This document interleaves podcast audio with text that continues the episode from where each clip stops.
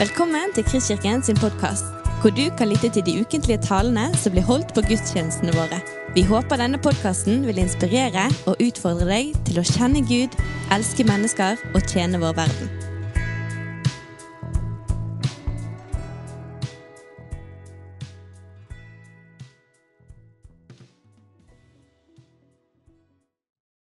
Jeg heter Elin Konstanse og har gått her en del år i Kristkirken nå.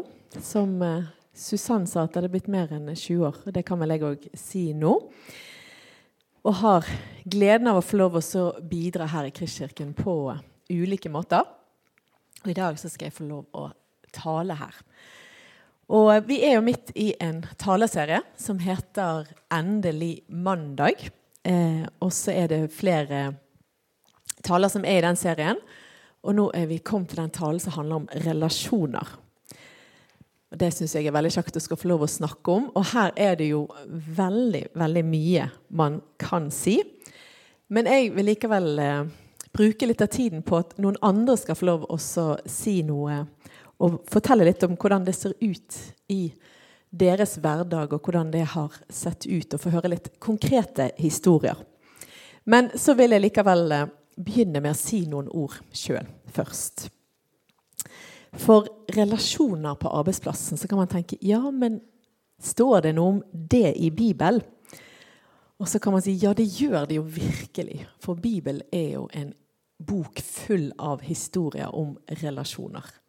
Og det er i hjemmet, i familien, i arbeidet, i livet, rett og slett.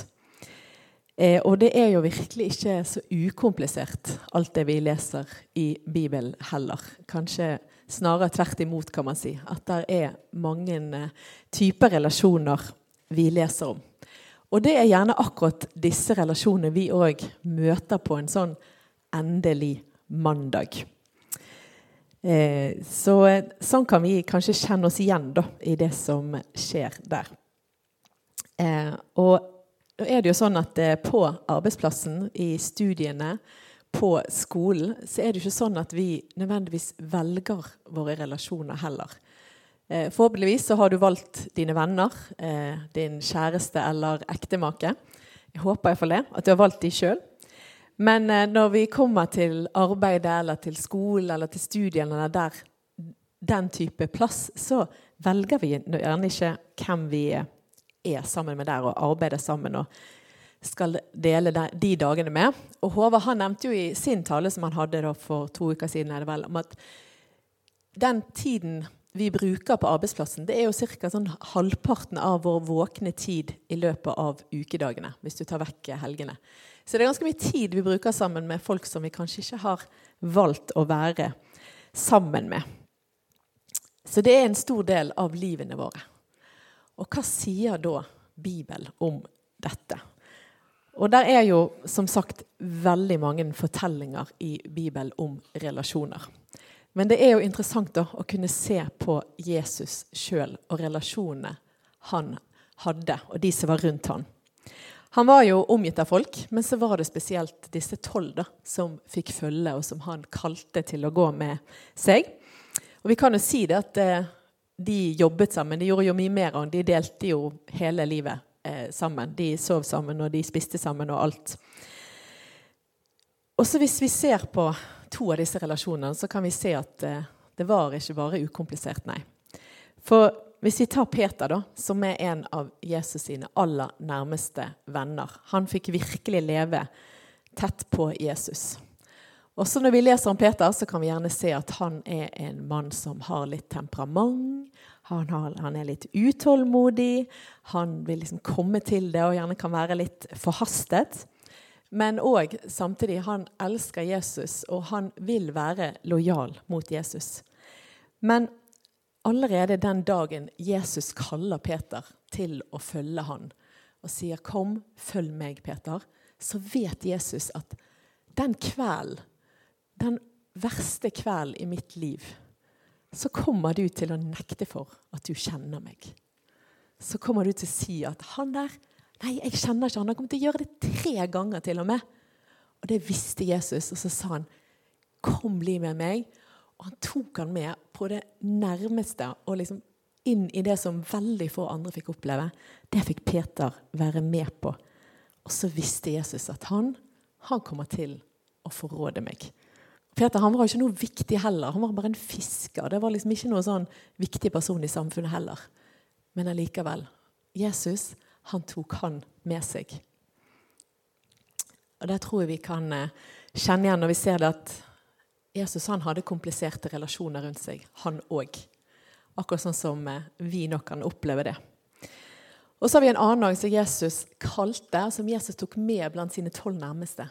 Det er Judas. Og Jesus vet òg at når han kaller han, så vet han at du kommer til å medvirke til at jeg blir tatt til fange, til at jeg blir drept. Du kommer til å bytte min, vårt vennskap med penger. Det kommer til å være viktigere enn dette. Og han fikk også ansvaret for pengekassen. Han stjal jo penger fra pengekassen. Og det visste jo Jesus om hele tiden. Men likevel så fikk han være nærmeste, en av de nærmeste, de tolv nærmeste som fikk gå med Jesus. Så det var kompliserte relasjoner Jesus hadde rundt seg. Og så ser vi likevel hvordan Jesus møter disse menneskene. da. Som man kan vel si at de ja, de kom virkelig til å svikte han, og Jesus kunne jo hatt mange grunner til å ikke velge å ha de nær, men så likevel så hadde han det. Og Jesus, når han blir spurt, da eh, Det er noen som kommer, eh, fariseerne, som spør Jesus ja, men hva er det største. De vil teste han. Hva er det største Jesus? Hva er det største i loven? Og så sier Jesus da i Matteus 22 vers 37-40, så sier Jesus Du skal elske Herren din Gud av hele ditt hjerte, av hele din sjel, av all din forstand. Dette er det største og første budet. Men et annet er like stort. Du skal elske din neste som deg sjøl. På disse to budene hviler hele loven og profetene. Det største er altså å elske Gud med alt vi kan. Men så er det altså like stort å elske din neste. Altså de rundt oss. De som vi har rundt oss. De som er på jobben vår, de som er på skolen vår, i studiene våre. De som, de som er rundt oss. Det er veldig variert for oss alle her inne hvem vi har rundt oss, hva livssituasjon vi er i, og hvilke folk det er vi er blitt satt med. Men vi er faktisk kalt til å elske dem. Og hvordan skal man gjøre det, da? Da har jeg lyst til å nevne et foredrag som kanskje er det korteste foredraget som kanskje har blitt holdt på en sånn næringslivskonferanse. For det var en stor konferanse med mange eh, ledere i Sør-Amerika. Og så hadde de invitert moder Teresa til å holde et foredrag.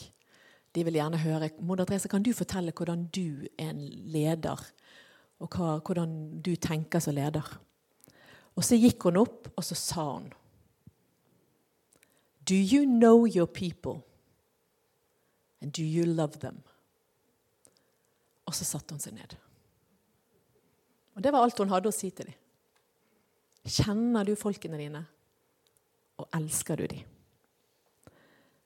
Det var det hun forholdt seg til som leder. Det var relasjon. Det var det å kjenne dem, og det var det å elske dem. Den var ikke masse teorier og tanker og grafer. Men det var det å kjenne dem. Og det å elske dem.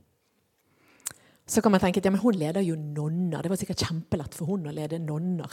Det må jo være mye lettere det enn de, de folkene jeg leder, eller de kollegaene jeg har. Og det kan vi, det kan, vi, kan sikkert stemme òg, det. Men uh, de er mennesker, de òg. Og vi er alle mennesker, rett og slett.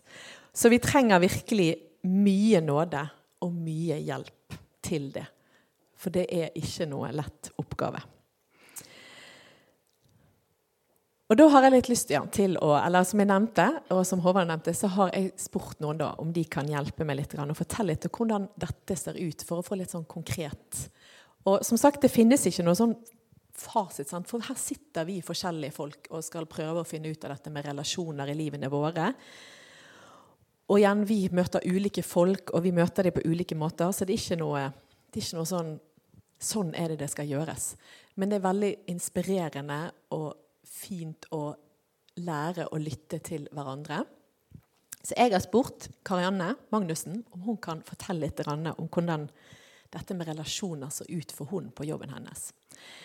Og Karianne hun jobber som institusjon, institusjonssjef på Metodisthjemmet i Bergen. Det høres veldig fint ut. Institusjonssjef.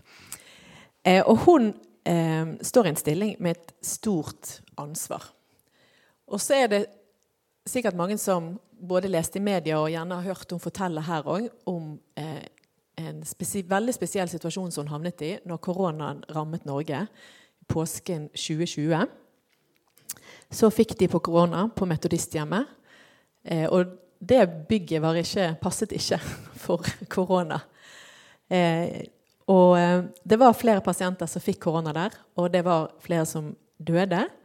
Og media skrev veldig mye om dette. Så de sto i en krise internt på huset, og media som vel nesten lå i buskene og skulle ta bilder og prøve å finne ut av hva som skjedde der inne. Og midt i dette sto Karianne, og hun var leder og ledet i en krise.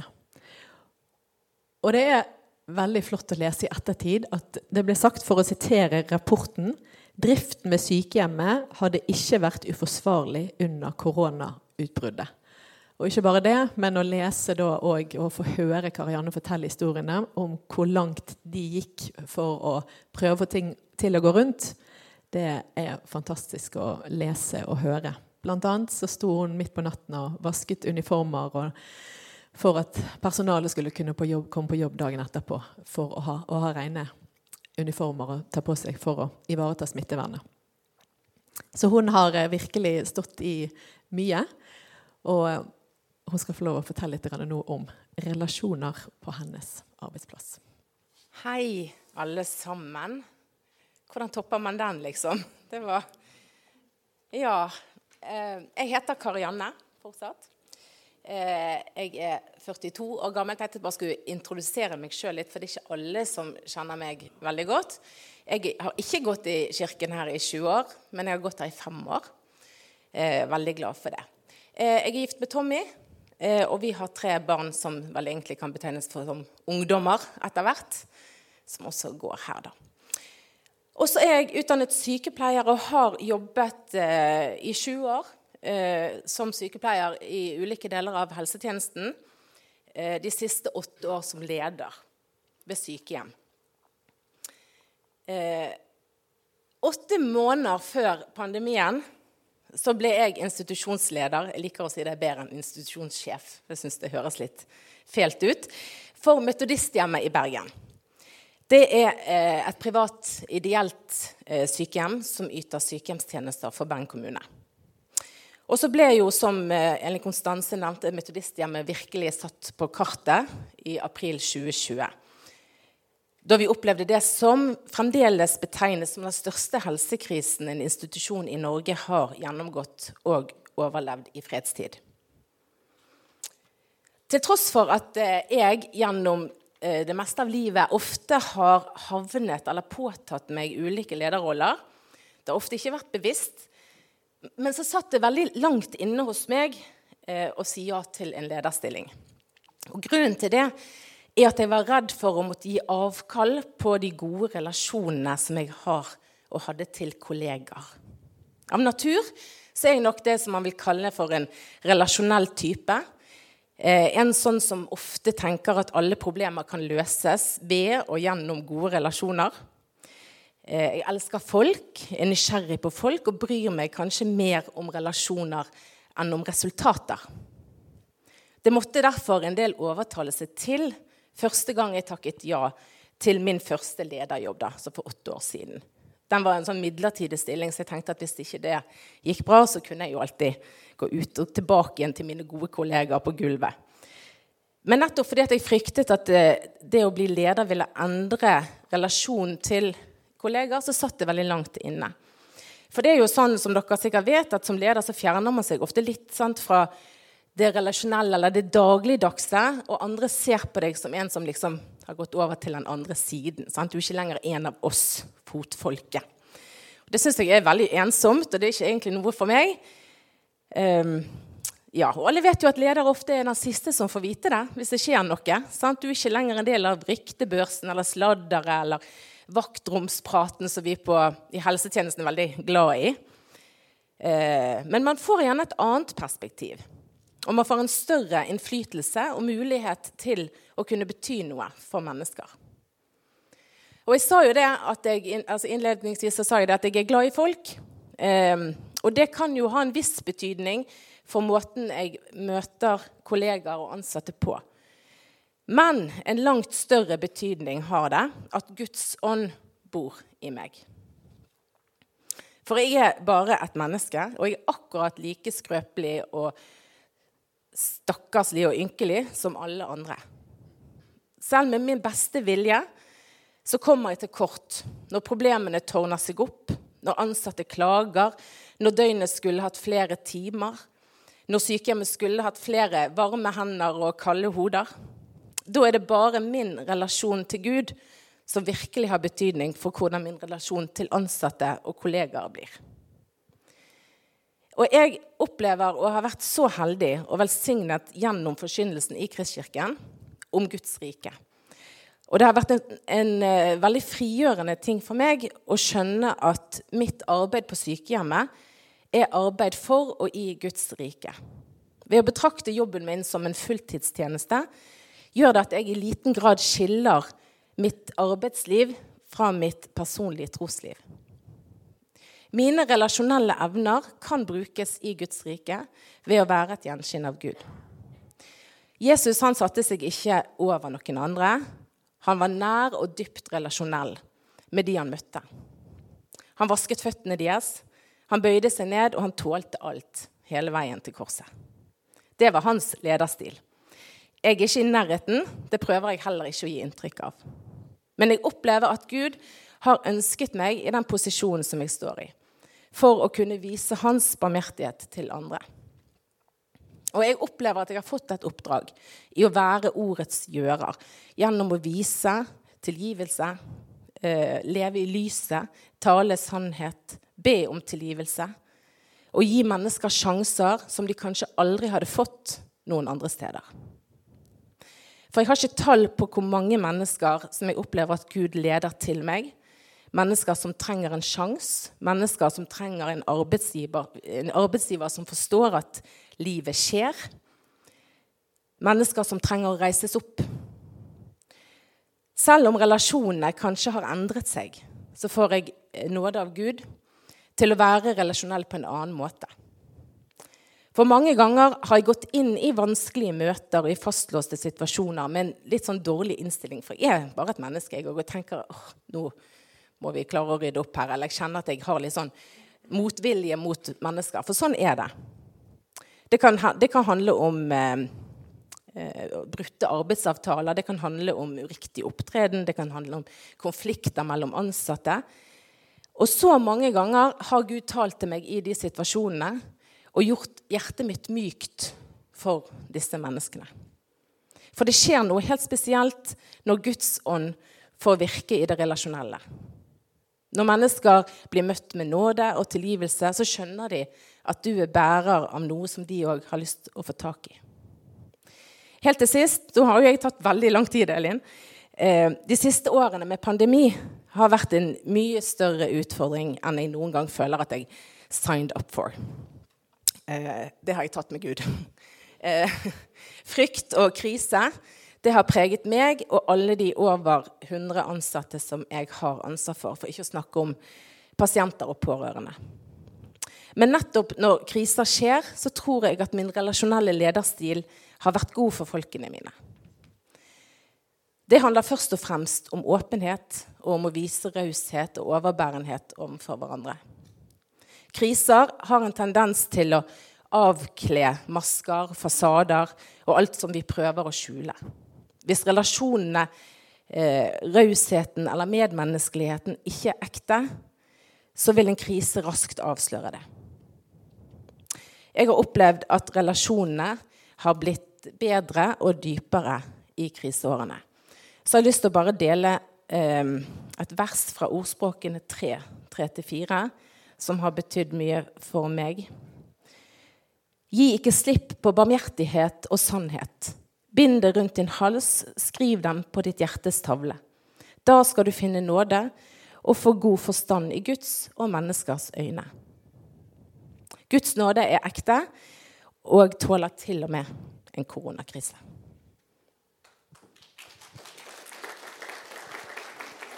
Tusen takk, Karianne. Veldig interessant. Og så har jeg spurt eh, Astrid Paulsen om å dele litt fra sin hverdag som lærer. Som dere kanskje ser på si, fargen på håret til Astrid, så er ikke hun lærer akkurat nå. Det har hun vært i mange, mange år. Astrid hun har vært del av Kristkirken siden eh, før starten, egentlig. Hun var eh, gift med Reidar, som startet eh, Kristkirken og var pastor her i mange, mange år. Han døde nå i sommer. Astrid hun eh, har vært, og jeg kan kanskje nesten si at hun fortsatt er en dedikert lærer, som er elsket av mange. Hun har en sånn samling hjemme hos seg av hilsener fra elever og foreldre fordi at hun har virkelig betydd mye i mange elevers liv. Hun er mor til fire, hun er bestemor, hun er oldemor. Og Astrid hun hadde et misjonskall som ble til et eh, gjestfrihetens kall. Og jeg eh, vil tro at det er mange her inne som opplevde det at nesten før de kom inn døren i Kristkirken, så var de blitt invitert hjem på kaffe til eh, Astrid og Reidar. Så Astrid og hun skal få lov å dele en historie. Før jeg sier den, så må jeg si nå når streiken har vært, så har jeg sett på den boka som Elin så, med alle takkene fra elevene. Til og med nå når de er voksne og gamle. Og en av de takkekortene, der står det Du har vært min ledestjerne i alle disse årene. Og det var den gutten som gikk ut av kristendomstimene, for han skulle ha KRL. Men ledestjerna hans hadde jeg vært. Og nå når han kom på besøk, så sa han Det er nesten ikke til å tro. Jeg er lærer i søndagsskolen. Ja. Men den historien som jeg skulle fortelle den har bare en ganske enkel bakgrunn, og det er du må høre Guds stemme. Du må ha et godt forhold til Gud, til Jesus og Den hellige ånd. Jeg satt i Frikirken en onsdagskveld på et møte. Reidar talte. Og plutselig så, så jeg et bilde fra lærerværelset litt tidligere på dagen. Det var en av kollegaene som bøyde seg framover til rektor og ga en beskjed. Og måten som hun sto på, så så jeg at nå tar løsninga deg voldsomt, for hun måtte finne den rette balansen. Så sitter jeg der i Frikirken og ser dette bildet. Og så hører jeg en stemme som sier Gå til Kari og si at i vår menighet der ber vi for de som har det vondt og er syke. Og jeg svarte momentant det tør jeg ikke. Men jeg vil be for Kari. Og satte meg til og satt og ba og ba og ba så innstendig.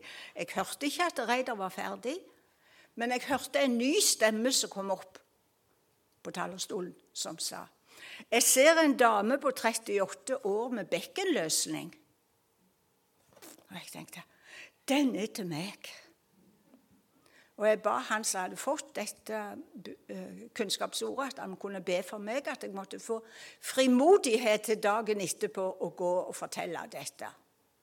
Og siste friminuttet, siste sjansen jeg hadde, da troppa jeg opp rett ut forbi toalettet. Og så kom hun ut, og så sa jeg, 'Hvor gammel er du, Kari?' 'Jeg er 38 år. Hvorfor spør du om det?' Og jeg fortalte heseblesende det som jeg hadde satt der og bedt og hørt. Og så svarte hun, 'Jeg skjønner ingenting. Kan du ta det en gang til?' Så tok jeg det i litt saktere tempo. Og så spurte jeg har du noe forhold til kristendommen. Jeg? Jeg er humanetiker. Og det var for 30 år siden ganske skummelt. Kari kom hjem til meg, og jeg ga henne ei bok fra 'Bønnens verden' av Ole Hallesby. Og hun syntes det var helt utrolig at jeg kunne gi henne ei sånn gammeldags bok. Men hun leser i Bodø og ble så interessert. Det var så riktig, det hun leste. Og så endte det med at hun og mannen og dattera kom hjem til oss. Han ville ikke være med. Men når de gikk ut ifra oss og gikk opp trappa, så hadde han vendt Kari og sagt For noen hyggelige mennesker! Han hadde en bibel fra konfirmasjonen, og den fikk hun låne når hun gikk og la seg om kvelden. Hun var trøtt litt tidlig. Om morgenen så var Bibelen forsvunnet fra nattbordet hennes. Og så kikket hun, og så lå Bibelen på mannen sitt nattbord. Og så sa han, 'Du, Kari, du må gå i Frikirken. Du må ikke slutte å gå i Frikirken. For etter du begynte å gå der, så er du blitt så snill og tålmodig. Ja. Hun var på hvert et onsdagsmøte, og vi ba for henne, vi ba for henne, men ingen helbredelse. Men tålmodig og snill, det var hun visst fortsatt. Så kom hun med i ei bibelgruppe, og i den bibelgruppa er hun med i den dag i dag. Eller noen av de iallfall er der. Så kommer det som er det helt fantastiske, og som jeg har takka Gud for så mange ganger. Og det er denne historien. Kari hadde en bror som var fallskjermhopper. Og han hoppa i fallskjerm, falt ned og brakk ryggen. Ble sendt til Rikshospitalet, og der var det stor, stor sjanse for at han kunne bli lamma. Det var to kristne sykepleiere som gikk og ba for han. Og Han ble en kristen, og ryggen ble frisk. Han kom tilbake til Jæren, der han var lærer. Og Så begynte han å skrive brev til søstera.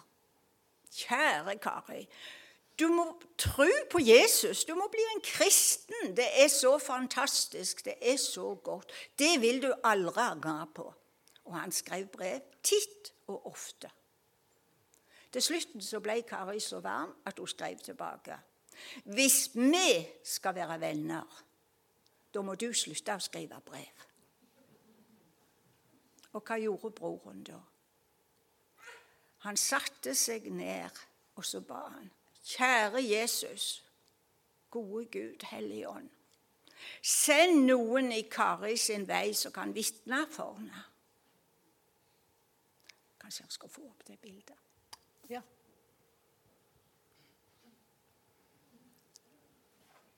Og så kommer streken til, til Oddvar Søvik. Er du paraply og lar det som Gud Jesus Hellige Ånd hvisker til deg, bare renne bort? Eller er du parabol og tar imot det som Gud, Jesus den hellige ånd, sier? Og tenk så var jeg den heldige og fikk fange opp akkurat de signalene ifra denne bønnen som broren hadde bedt. Vi har en veldig oppgave med å be og tro det vi ber om at vi allerede har fått det. Men å være lærer, det var fantastisk. Jeg kunne fortelle og fortelle. Men denne historien, den tror jeg er den helt som jeg takker Gud mest for, iallfall.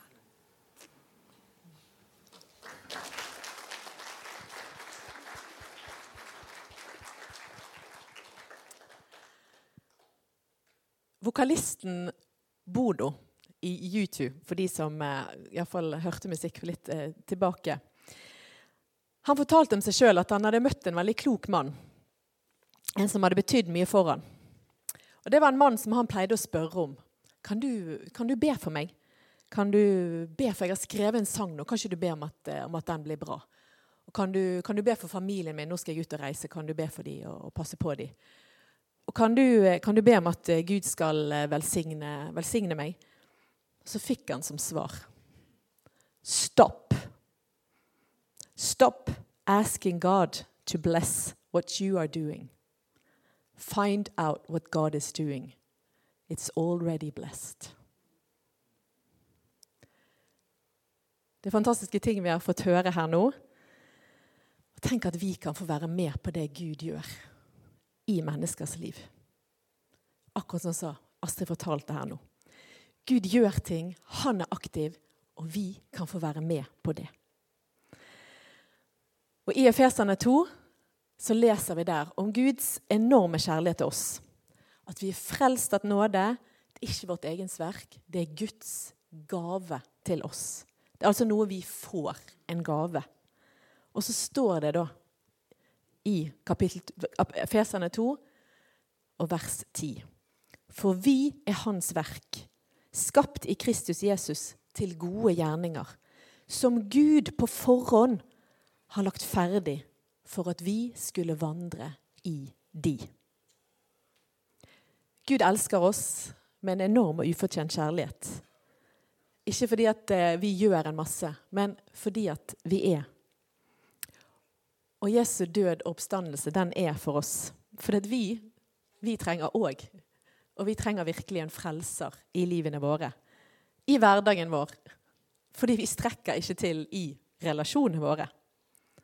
Og så er vi kalt til å gi videre det vi har fått.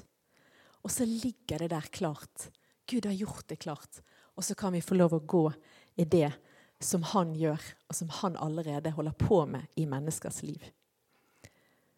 Vi kan få kjenne dem, vi kan få elske dem og være med på det Gud gjør i livene deres. Kjære Gud, jeg ber om at du hjelper oss. Hjelp oss til å lytte sånn som Astrid gjorde. Og få øyne opp for de menneskene rundt oss og det du gjør i deres liv. Hjelp oss til å være en parabol som eh, lytter og som tar imot. Så vi kan få lov å elske mennesker rundt oss. Og må du gi oss nåde, må du gi oss hjelp, så vi klarer det. For ditt navns skyld. Amen. Du har lyttet til en podkast fra Kristkirken i Bergen. Vi håper du har blitt inspirert og utfordret i din vandring med Gud. Vil du vite mer om oss, så klikk deg inn på kristkirken.no.